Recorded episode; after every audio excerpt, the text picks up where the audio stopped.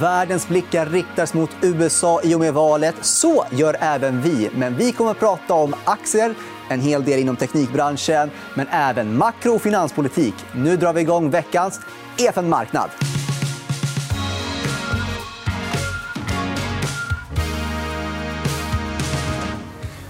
Kollar man på ett globalt index då dominerar USA. och Kollar man i USA då dominerar.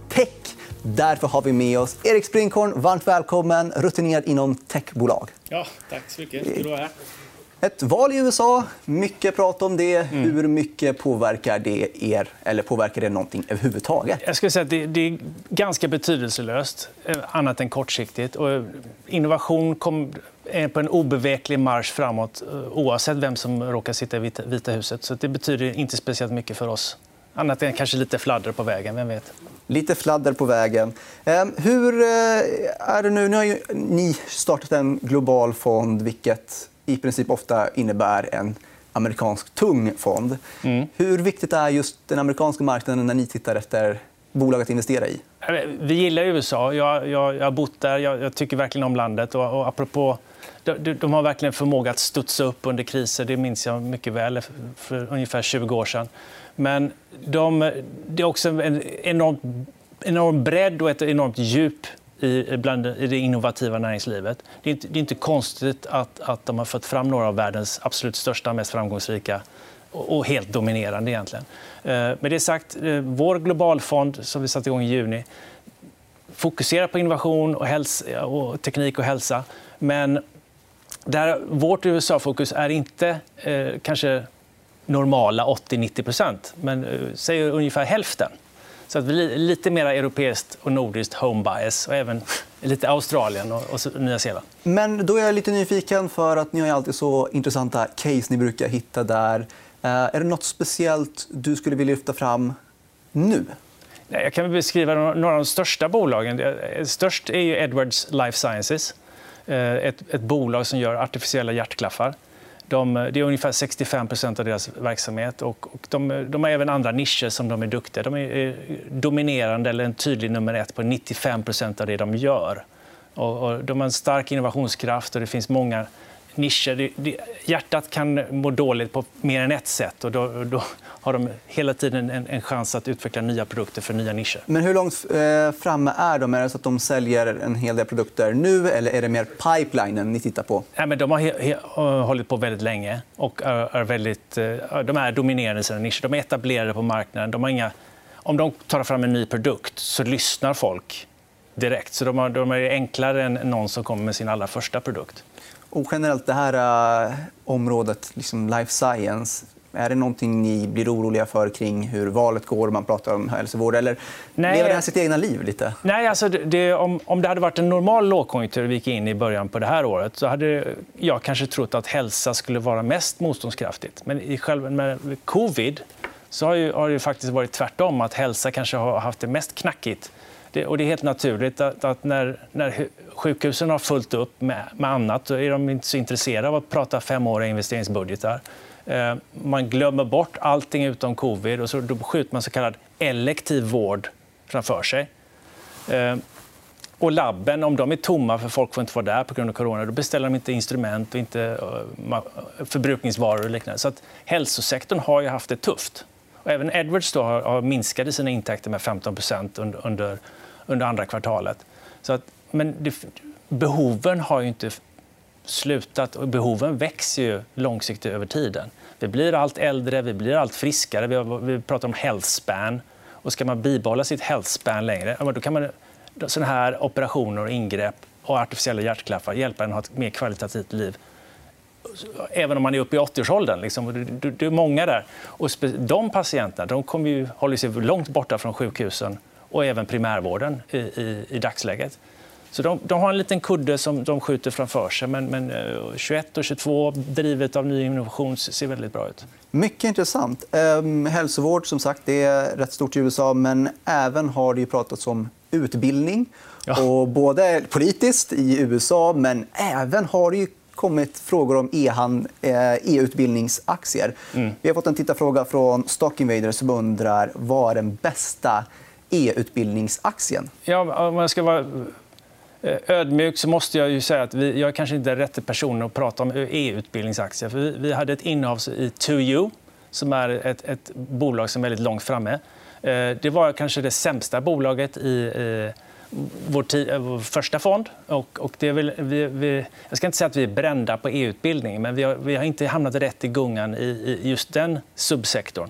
Men 2U är ju ett, ett bolag man, man, ska hålla koll på, helt klart. Eh, de möjliggör då att de samarbetar med universiteten. Det är inte så att de försöker disintermediera. utan Man kan få en Harvard-utbildning online eh, egentligen oavsett var du är. Och universiteten är intresserade av att bibehålla sina priser och sin premiumkänsla för sin utbildning. Så att det där kan bli en väldigt bra verksamhet. Men, men nu kommer det konkurrenter och de är inte lika ensamma. Det, I och med att segmentet växer och att, att många fler vill ha onlineutbildningar så, så det gör att de etablerade spelarna får det faktiskt får det lite tuffare. Men om man då tittar på de eh, alltså, aktierna som det snackas mest om kring det här EU, kanske Zoom och Microsoft i med Microsoft Teams. Um, ja. Inte rena EU-utbildningsaktier, men de Nej, används de... väldigt mycket inom utbildning. Det är verktyg som används inom utbildning, inte minst eh, här i vårt land. Så Zoom är ju en Zoom Video Technologies. De är, det är en fantastiskt eh, högt värderad aktie. Eh, eh, vi har inga Zoom i dagsläget. Och, och eh, den, den, den, är uppe i stratosfären, den värderingen. Microsoft har vi i portföljen. Det är också ett av de fem största. Vi gillar Teams. Vi använder Microsoft för många av våra egna funktioner. Och, och vi ser att de faktiskt har, har accelererat sin tillväxtkraft och sin innovation och, och, och, faktiskt har bättre utsikter än vad de har haft de senaste 20 åren. Egentligen. Så det, det, det, är det enda FANG-bolaget som vi har i portföljen. Det, vårt huvudfokus är ändå de lite mer medelstora bolagen.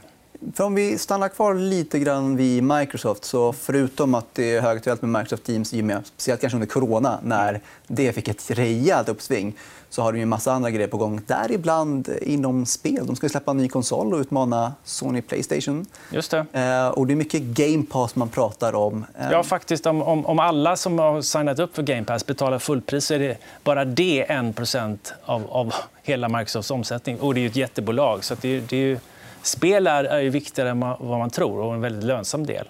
Och hur viktigt är det i caset Microsoft i just ert fall? Nej, för, för oss, det är väl inte, det är inte huvudskälet till att vi äger Microsoft. Men det är ändå kul att se att, att de, de faktiskt steppar upp sitt spel och, och gör det där mycket bättre. Och deras köp av, av Zenimax Media, alltså Bethesda, det är en game changer för hela spelbranschen.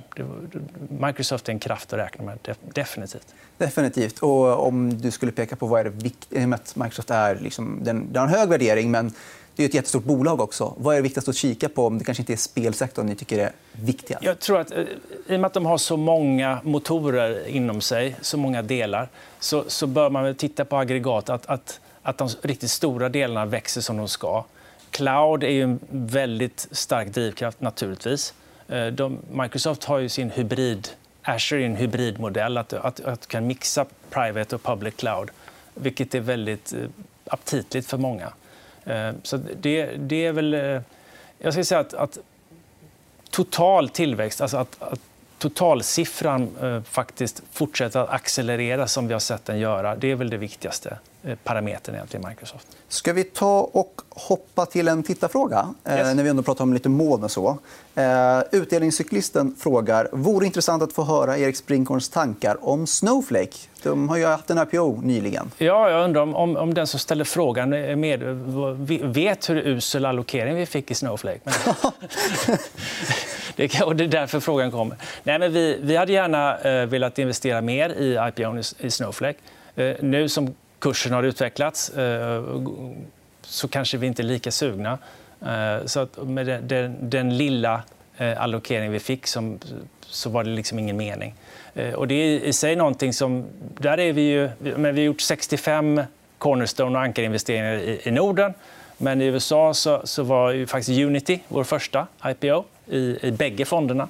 Eh, det, där är, det, är ett, det är ett annat typ av spel som vi håller på att lära oss och, och förhoppningsvis kan bli ännu bättre på framöver så att vi kan dra nytta av såna situationer. På tal om Unity, hur ser du på den aktien? Unity är en av, av två dominerande eh, dataspelsmotorer.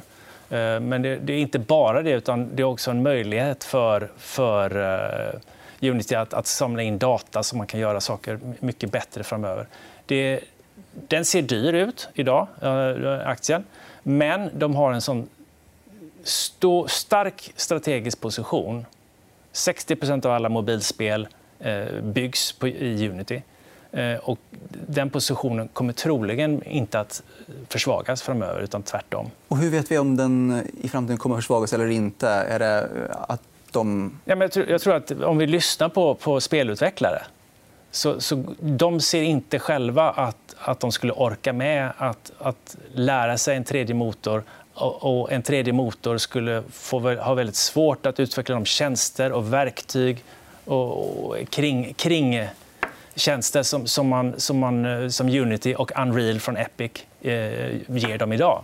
Så att det, bara logiskt sett så, så, finns det ett starkt tryck att de två kommer fortsätta ta marknadsandelar. Det är alltid kul med bolag som har lite vallgravar. Ska vi ta en fråga från Lukas Mattsson som eh, tycker eh, du att Take-Two eh, borde förvärva mer intensivt lik Embracer? Eh, man har ändå nettokassa och bra kassaflöden. Alltså, Take-Two har ju förvärvat eh, historiskt. Och, och det är lite grann byggt på förvärv, men till, till en, en, historik då där, där dataspelsbranschen eh, kanske välförtjänt värderades på ett annat sätt. För det, det, eh, på den tiden så var det, fanns det väldigt få bolag som, som eh, drev sin verksamhet med den typen av lönsamhet och kassaflöden som vi har idag när, när allting, eller det mesta distribueras digitalt. Så det var en, en sämre bransch för 10-15 år sedan än vad det är idag. Så, men Take-Two har ett öga på förvärv, jag vet det. Eh, men deras primära investeringsbudget är ju riktad mot egentligen organisk tillväxt. Och de har en fantastisk eh, portfölj, pipeline, som, som med, med, bra spel som är på väg. Eh, utöver det så, så gör ju faktiskt Take-Two återköp också. Och speciellt de trycker på lite när, när, när de upplever att, att, att multipeln har blivit för låg. Men är det, vill man det? Då? Eller vill du hellre, om du fick välja, är det återköpen du skulle vilja eller är det mer förvärv? Jag tror att en, en, en kombination kan väl vara... Eh, menar, om, om du vårdar din valuta genom återköp då, då kan du faktiskt... Eh, det, det är en kapitalallokeringsfråga. Och det finns ju vissa bolag som i, under perioder köpt sin egen aktie och i andra perioder köpt andra bolag med sin aktie. Så att, eh, kan man få till det där spelet över tiden så kan det bli otroligt värdedrivande. Där är boktipset eh, eh, eh, eh, Outsiders. Åtta outstanding CEOs. Det, okay. det, den, den, den, talar mycket om kapitalallokering och hur viktigt det är för att driva aktievärde över tiden. Så att, det kanske är ett luddigt svar på frågan, men jag tycker att Take-Two har ett, ett fokus på, på värde. De är entreprenöriella. Eh, organisk tillväxt är ändå det säkraste och, och, och det, det, bästa om man, om man ser vettig avkastning där. Men de är absolut inte främmande för, för, för förvärv. Och organisk tillväxt, mycket av det kommer komma från pipelinen. Ja. och online services på dem, alltså DLC till de spelen de redan har. Precis. Men GTA 6 är väl det vi, vi alla sitter och väntar på. Ja, och det, det tror du kommer bli en uh, succé? Eh, känner jag Rockstar Games rätt så blir det väldigt, väldigt bra. Stort tack för det, Erik Springkorn. Men nu ska vi vidare. Ja, nu ska det bli lite mer makro och och Därför har vi med oss Johanna Högfeldt Sean George. Varmt välkomna båda två. Tack så mycket. Ja, tack för att vara här. Ja, det, det är ju rätt mycket snack om det här presidentvalet. och eh, Börserna har reagerat ibland på någon tweet här och där. Mm, var det här förväntat?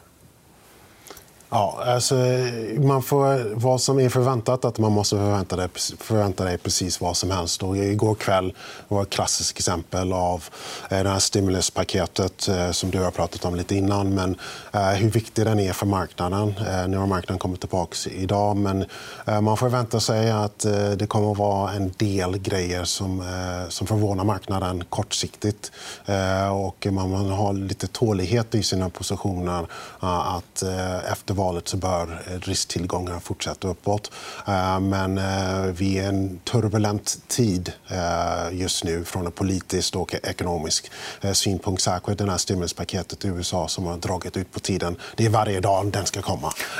och varje dag den inte kommer. Och så får man ett utspel som man fick från Trump på tisdagskvällen som, som kan dra ner hela marknaden. Så att fortsatt så kommer det vara. Och egentligen det som är också problemet här är att det här spelet om stimulanspaketet börjar bli ett strategiskt spel mellan Republikanerna och Demokraterna.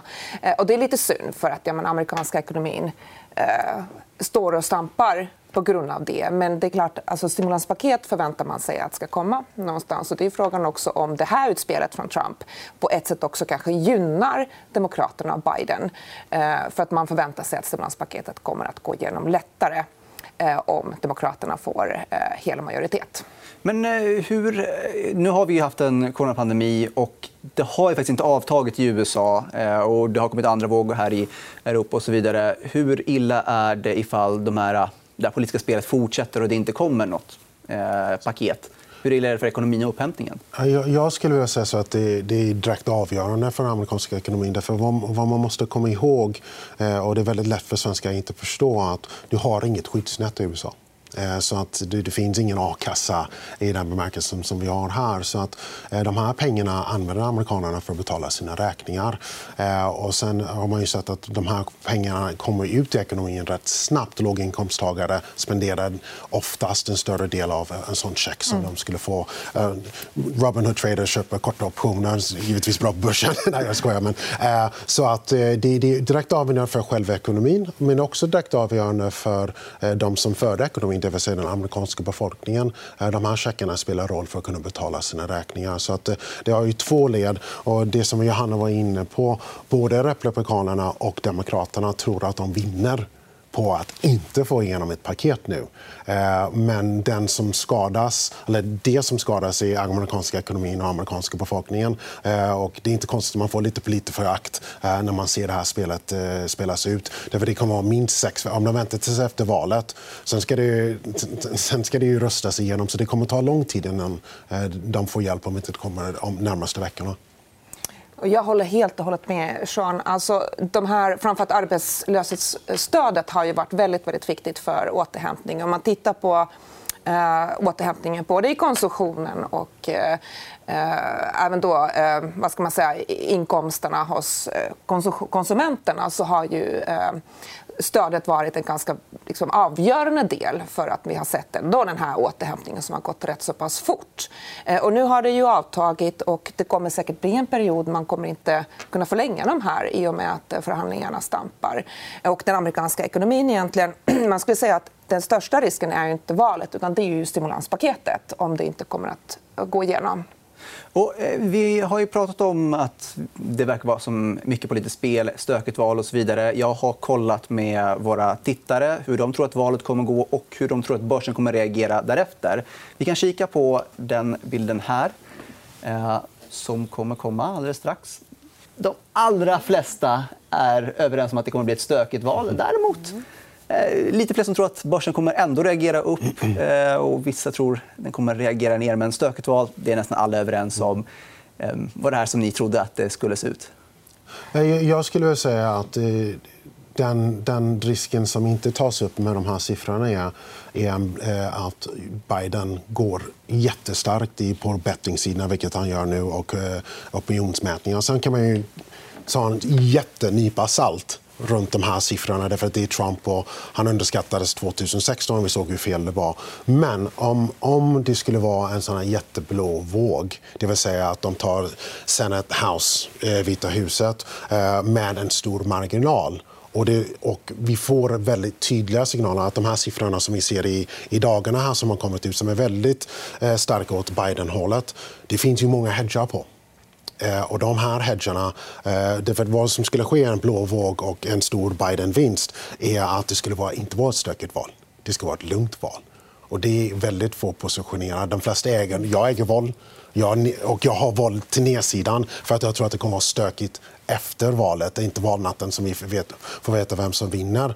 Börjar de komma av, då kan det, för att de allra flesta är positiva Eh, efter valet. Du kan få en riktig melt-up i risktillgångar eh, innan valet. Eh, och det är den som jag är lite rädd för själv.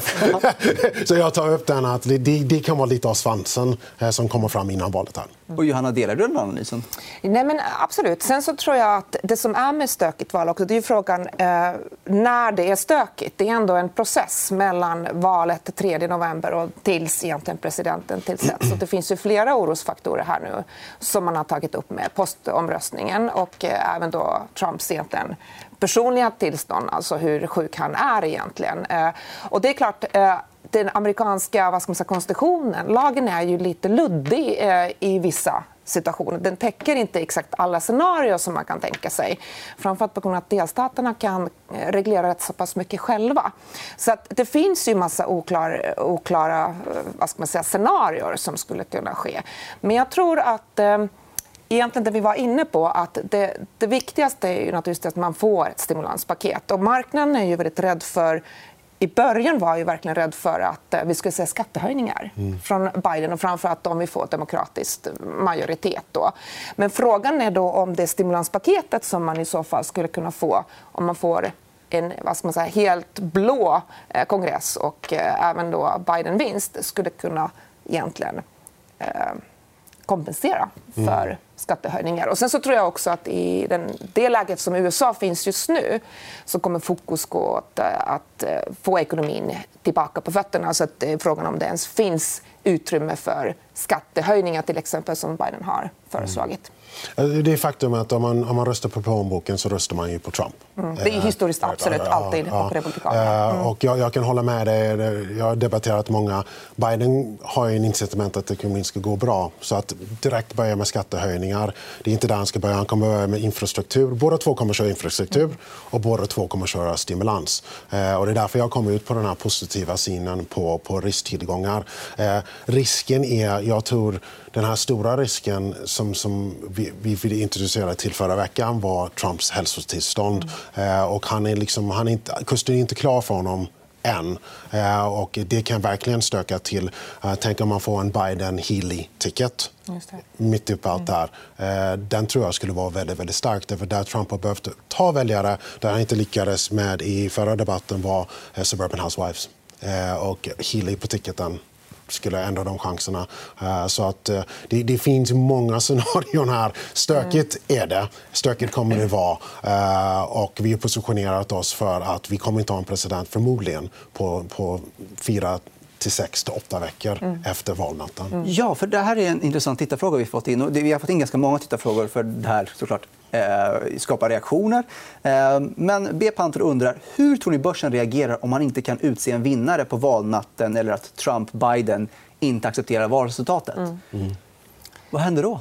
Ja, men det är lite grann det som jag räknade i, i det här med stökigt valresultat. Även, även eh, undersökningen som ni gjorde visade sig att eh, börsen eh, skulle ändå reagera positivt. Men nu förväntar man sig att det blir stökigt val. Man förväntar sig att Trump kommer att motsätta sig eh, till kanske till resultatet. Eh, försöka miss, vad ska man säga, misskreditera eh, själva valprocessen. Och, eh, den stora frågan och oron som jag tänker är att om det blir massa demonstrationer och eh, våld. våld på gatorna som mm. orsakar andra saker. och framförallt också när coronapandemin eh, ser ut att förvärras också i USA. Så det finns ju sidoeffekter i det här med stökiga valet som kan och borde egentligen öka, öka volatilitet på marknaden. Eh, ett grundscenario som vi har när vi eh, positionerar oss och, och hur vi agerar just nu. Eh, som sagt, vi är väldigt positiva till risktillgångar men vi, vi går i en stökig period. Är att grundscenariot som vi ser på valnatten är att förmodligen kommer Trump leda för att det är så många poströster. Jag tror att sista siffran, mm. estimatet var ungefär en miljon amerikaner som har röstat på posten. Det är främst republikaner som kommer att rösta på plats och främst demokrater som röstar per post.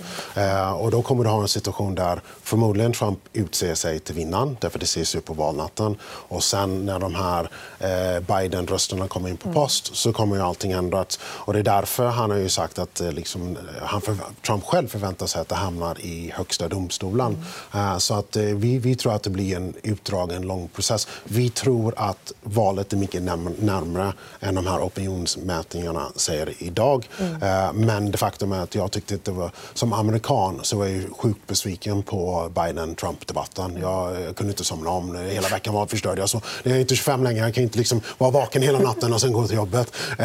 Och, vi lärde oss inte särskilt mycket om deras politik och deras, där de står på olika saker. Och, och det, det, var rätt viktigt. Så det, det, det, kommer bli stökigt, jag är tämligen säker. Men det enda som jag kan säga, om marknaden tror inte att det ska bli stökigt så är det mycket hedgar på. Mm för just den perioden. Och mm. Det kan göra någonting på marknaden som kanske man inte är förberedd på. Nej.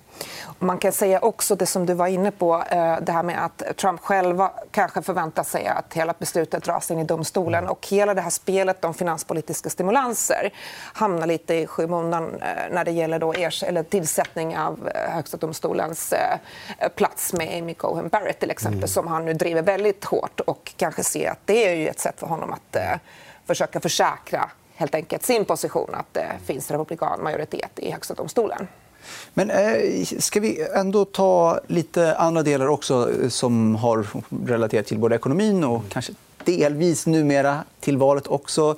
Fed, hur kommer de göra med räntan? Det ska inte ha någonting med politiken att göra egentligen på det sättet. Det ska ju vara självständigt. Men det har höjts ganska höga röster kring hur man ska göra med den här räntan. Hur tror ni? Halvåret framåt? Nej, men, eh, jag tror att Fed kommer inte kunna höja räntan på ett bra tag. Eh, om man ska tro på dem själva också så kommer de inte höja räntan eh, ja, före 2023. egentligen. Och de har ju kommit med väldigt mycket stimulanser, Fed. Eh, absolut. Och gjort egentligen allt de kan. Så De vädjar ju väldigt eh, starkt till finanspolitisk hjälp just nu. Och nu har de ju ändrat inflationsmålet. De har en liten annan typ av policy där de genomsnittligt vill ha inflationen överskjuta målet under en viss period. Och det betyder också att även ekonomin går bra och även arbetsmarknaden går bra, som, som den gjorde tidigare till exempel, när de började höja, så kommer de inte höja om inte inflationen tar fart. Så de, de sitter lite med händerna låsta. Och egentligen är det inte konstigt, för det är inte de som kan driva stimulanspolitiken. utan De har ju ansvaret för krispolitiken. Och nu är det ju stimulanspolitiken egentligen som ska få igång eh, arbetsmarknaden framför allt och eh, eh, ekonomin eh, efter pandemin. helt enkelt. Och, så att jag förstår dig rätt så vi får vänta på låga räntor ett tag till framöver. Jag skulle bara infika det som man ju sett och börjar hända igen idag. Alltså kurvan, så att mm. långräntor kan röra sig. Så att de här absolut lägsta räntorna som vi har i marknaden börjar prisa in någon form av inflation från dag till en mm. annan. Mm. Men vi är på 200 day moving average eh, på räntorna. Eh, och Fed är helt okej okay med liksom, mm. de här rörelserna. Eh, så att om, om ni, jag skulle inte bli förvånad om ni såg en amerikanska tioåringen som är på 0,8 just nu. Eh, att den kanske sticker till 1 eller kanske en och en mm. fjärdedel. Eh, och det, det, är fullt normalt. Så att, ja, Fed kommer hålla ner räntorna men det betyder inte att ränten, ränteläget i marknaden kommer att stå helt still här. Och det märkte man liksom, när det var risk-off eh, förra veckan. Eller vad det var. Eh, räntorna var inte den här krockkudden som ni normalt har i din portfölj, de gick inte ner på det sättet som de bör göra för att skydda din, din riskfyllda eh, portfölj. Eh, och det sa ju rätt mycket till mig att marknaden är nog trött på de här låga räntorna och vill att, eller marknaden tror att räntorna kommer att stiga, marknadsräntorna kommer att stiga. Mm. Så att det, det, är två olika ben på, på, på, på din fråga. Och det är ju då det som du pratar om. Det är ju långa räntorna, eh, inte styrräntan. Och mm. man ska tillägga precis det som du säger också att det förväntas ju också att utbudet av amerikanska statsobligationer kommer att öka, framförallt lång, eh, långändan. Då, och eh, amerikanska, amerikanska Treasury kommer att skifta, eller öka durationen egentligen i de bondsen som de kommer att ge ut. Och det är ju det som ligger lite i bakgrunden också. Mm. Förutom då kanske att man kan på ett sätt kanske ha trovärdighet för Feds policy. Mm. Att man kan se lite högre långräntor. Men korträntorna kommer att vara låsta av Fed. Och om vi tar och summerar det här då, som en vanlig småsparare som har lite aktier här och där och några i USA, några i andra ställen och så vidare. Ehm, behöver man vara orolig för det här valet? Man ska alltid vara orolig, men jag är obligationskille. Så jag är alltid rädd. Sky is falling. Nej, eh, men alltså, det, det, det, är så här att eh, det finns ingenting som jag hatar mer än att sitta still i båten. Eh, men i det här fallet ska man faktiskt sitta still i båten. Därför att jag, jag tror att du och jag är överens om att det kommer stimulanspaket. Det är rätt tydligt att det kommer rätt mycket infrastruktur och så vidare. Det kommer fortsätta spenderas mycket pengar både i Europa och i USA och även i Japan och så vidare vidare mm. på att få ekonomin upp på fötterna. Och sen får man också komma ihåg vaccin. Mm. Vaccin, vaccin. Eh, det är också liksom, vad staterna och centralbankerna har gjort är att försöka bygga en bro mellan de här mm. twin shocks of supply and demand mm. som, som är helt skrämmande för såna mm. som oss att se att liksom båda mm. försvinner. De försökte bygga en bro mellan det som har skett eh, med pandemin till att vi får en vaccin och världen kan återgå till någonting som liknar... Jag ska inte köpa flygbolag, men jag ska köpa mycket annat eh, risk, risktillgångar. Mm. Och jag håller med. Eh, och det där vaccinet det är ju lite uppsidesrisker då för, för ekonom, den ekonomiska utvecklingen. Och eh, det jag kan se framför mig är att man kommer hålla realräntorna låga eh, vilket gynnar risktillgångar på sikt. Men, men just det här med, jag svarar som alla spar, sparekonomer säger att det beror på vad man har för lång alltså placeringshorisont. Man ska ju alltid räkna med att det framförallt i såna här perioder blir väldigt turbulent. Och då måste man ha det med, med och, och sitt, ja, och åtanke. Så summerat, viss oro kan man ha, men är man långsiktig så ska man sitta still i båten. Ja, precis. Eller om man är en trader så kan man ta tillvara på volatilitet. Vilket jag försöker göra. är man en trader så finns det möjligheter. Det får avsluta dagens EFN-marknad. Nästa vecka så är det fokus på hälsovård. Det får ni inte missa. Vi ses då. Ha det så bra!